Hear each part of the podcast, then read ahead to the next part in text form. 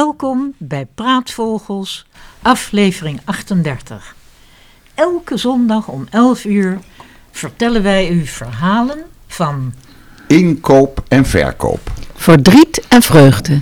Mens en dier. Klant en koning. hoe is het toch mogelijk dat er één diersoort maar niet in slaagt om zichzelf uit te sterven. Ondanks bommen en granaten, heropvoedingskampen, dodelijke virussen, elektrische motorfietsen of gameverslaving blijft deze soort maar uitdijen. Alle andere diersoorten zijn wars van zulke ongebreidelde voortplantingsdrift. Zij houden zich strikt aan de geldende paringsrituelen en bronstijden en bewaken het natuurlijk evenwicht, want mocht in Den Haag het aantal makke schapen en angsthazen te veel toenemen, dan verschijnt weldra de wilde wolf in ons land. In de vakkundige dierenwinkel weten ze daar alles van.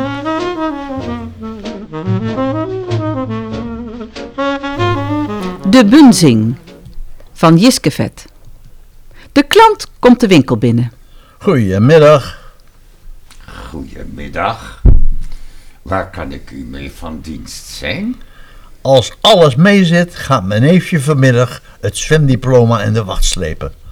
En nu zou ik hem zo graag met een klein presentje willen verrassen. En om welk zwemdiploma gaat het? De klant denkt een ogenblik na.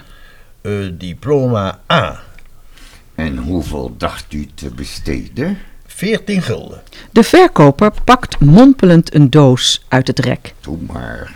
Wie het breed heeft, laat het breed hangen, moeten we maar denken. U had die dekselse guiters moeten zien. Hij is pas negen, maar in het water is het net een otter. Puur uit zwemkundig oogpunt zijn zijn verrichtingen in het water een lust van het oog. De verkoper haalt het deksel van de doos. Is dit misschien iets voor de kleine jongen? Wat is dat? Een bunzing. Die komt eigenlijk op 21 gulden, maar voor 14 gulden 90 mag u hem de uwe noemen. Maar gaat hij ook het water in? Elk dier gaat het water in, zolang de eigenaar het maar wil. U moet weten, mijn neefje is een echte waterduivel, zoals ik al zei. Als hij alleen maar water ruikt, is hij al niet meer te houden. Maar in het zwembad is hij toch soms wat alleenig. Ik zou daarom zo graag voor hem een dier kopen dat bereid is om zo nu en dan een eindje met hem op te zwemmen. Deze bunzing draait daar zijn hand niet voor om.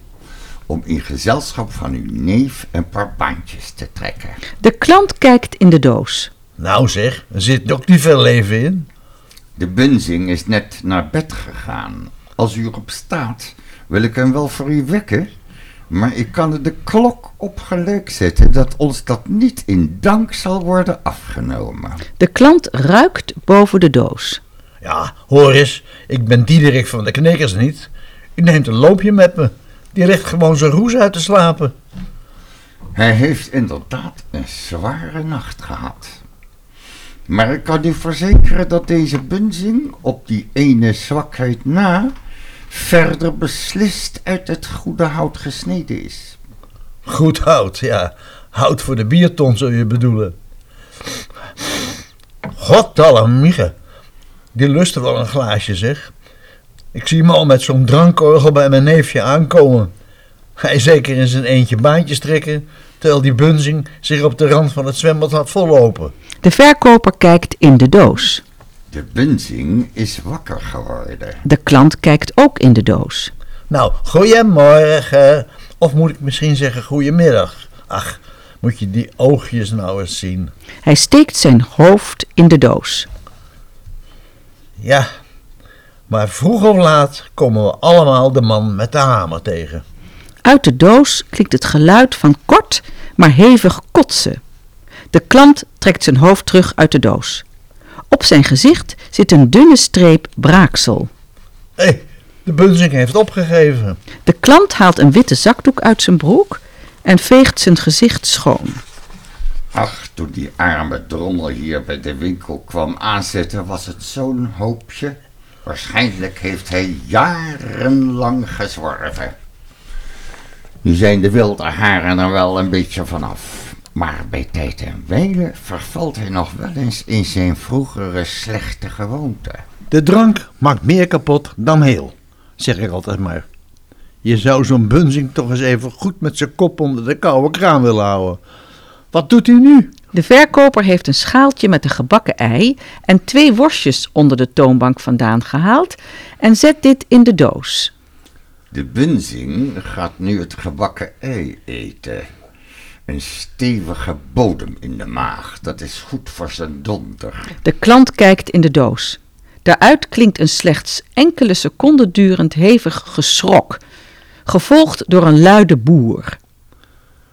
De bunzing heeft het gebakken ei op. De klant kijkt weer in de doos, waaruit nu luid glasgerinkel klinkt.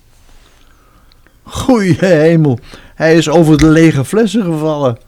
Die bunzing is bij lange na nog niet nuchter. Moet u zien, als een balletje. Uit de doos klinkt inmiddels gevloek en dronkenmansgezang. Wij moeten trachten het liederlijk gedrag van anderen niet al te scherp te veroordelen, zonder de achtergronden te kennen. Ook in de dierenwereld is het leven soms een lange zoektocht. Een zoektocht naar iets wat voor de meesten van ons altijd verborgen blijft. Ja, zoektocht toch geen zoektocht. Die bunzing heeft inmiddels gevonden wat hij zocht. Goeie hemel, hij heeft me werkelijk een onlesbare dorst, zeg. Er klinken luid klokkende geluiden uit de doos. Je moeder zou eens moeten zien, ongelukkige. Schaam je je niet? De bunzing begint te huilen. Ja, wat zullen we nu beleven? U heeft daar een nogal gevoelige snaar bij hem geraakt. Oh, De bunzing is namelijk een wees. Beiden kijken enige tijd in de doos. Misschien kunt u maar beter gaan. eh, dat geloof ik ook. Misschien dat mijn neefje uiteindelijk toch liever de bromtol heeft. Goedemiddag. Goedemiddag. De klant vertrekt. De verkoper in de doos. Zo, die is weg hoor. Trekken een glaasje melk?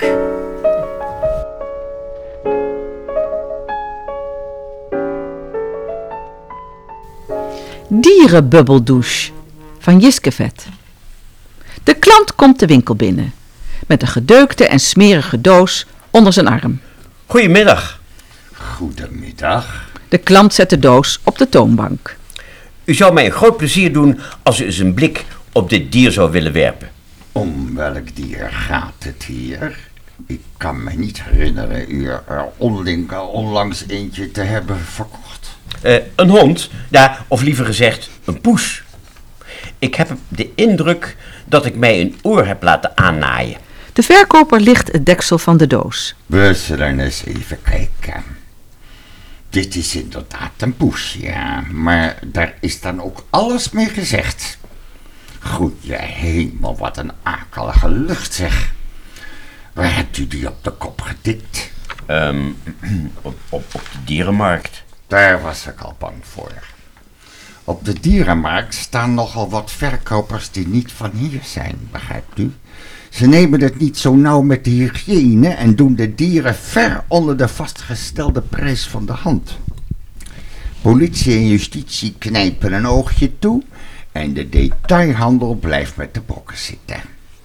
Ik kan me wel voor mijn kop slaan dat ik mij als magere Frans met de fluit het tunneltje in heb laten sturen. Nou, ik zal eens kijken wat ik voor u kan doen. De verkoper haalt van onder de toonbank een slang tevoorschijn. Aan het uiteinde van de slang is een soort drukmeter bevestigd. Nou, wat is dat?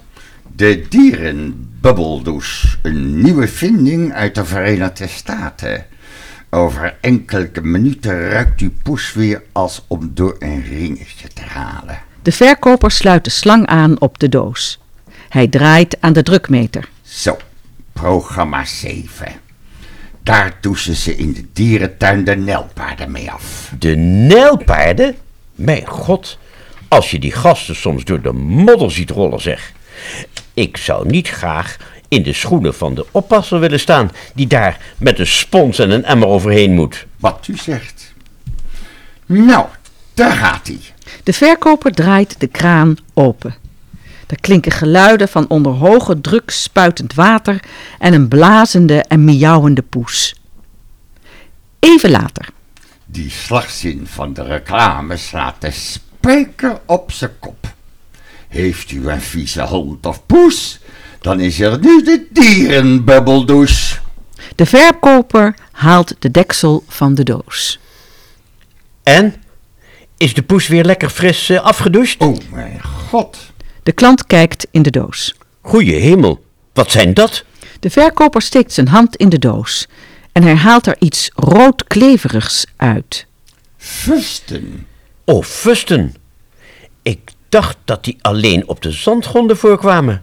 Misschien heeft deze poes wel langer op de zandgronden doorgebracht dan goed voor hem is.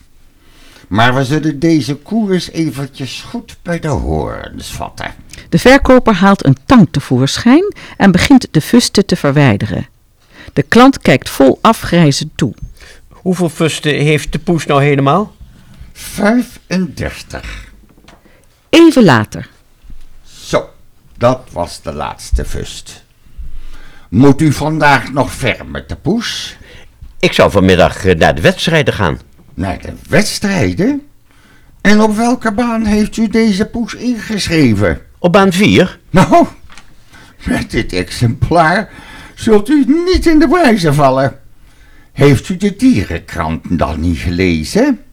Sinds het buitengewoon insinuerende en op niets gestoelde artikel in de dierenkrant over de rotganzen en de wijze waarop deze vogels de vogeltrek aan hun laars zouden lappen, heb ik mijn abonnement opgezegd. Dat had u dus beter niet kunnen doen. Dan had u nu tenminste geweten dat vanmiddag in baan 4 de Duitse roodwijsische smijselhoend van start gaat. De roodwijsische smijselhoend? Huh? Maar wat hebben die Duitsers hier dan nou eigenlijk te zoeken? Laat ze in hun eigen land blijven. Met de buitengewone snelle smijselhoenden snoepen ze hier bij elke wedstrijd immers de krenten van de pap, nog voordat de koers gelopen is. De telefoon. Hij bedekt de hoorn. En dan tot de klant. De wedstrijden, eh, ja, eh, hoe zegt u? Ach, hemel.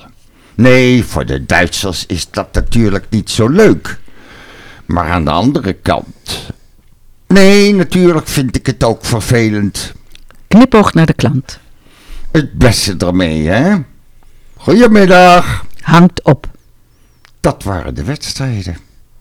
De Schmeisselhoend is enkele uren geleden tijdens het inlopen op de E25 terechtgekomen. Maar dan wel in de tegengestelde rijrichting. Baan 4 ligt voor u open. De klant zegt tot de poes in de doos. Nou, dat wordt lopen, broer. De verkoper haalt een grote pepermolen van onder de toonbank tevoorschijn. Hier, alstublieft. Het is eigenlijk verboden, maar twee flinke zwiepen aan de molen vlak voor de start en uw poes krijgt een remweg waar een hazen windhond nog geen droogbrood van lust. De klant neemt de doos onder zijn arm. Ik weet niet hoe ik u moet bedanken. Maar nu moet ik er vandoor, hoor. De wedstrijden wachten.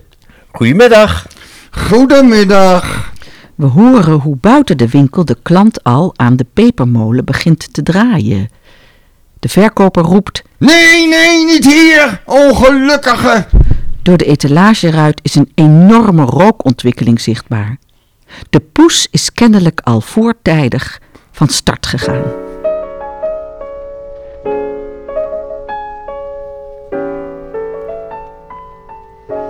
Dit was aflevering 38. Vandaag hoorde u de praatvogels. Max Zeilstra, Corien van der Walbaken, Michiel van Zeggelen en Wiebe van Dijk. Mijn naam is Hansje Terlingen. Tot volgende week zondag om 11 uur. U kunt de praatvogels ook afluisteren op elk ander moment via Spotify. De praatvogels. Of via de podcast van Dorpsradio Laren.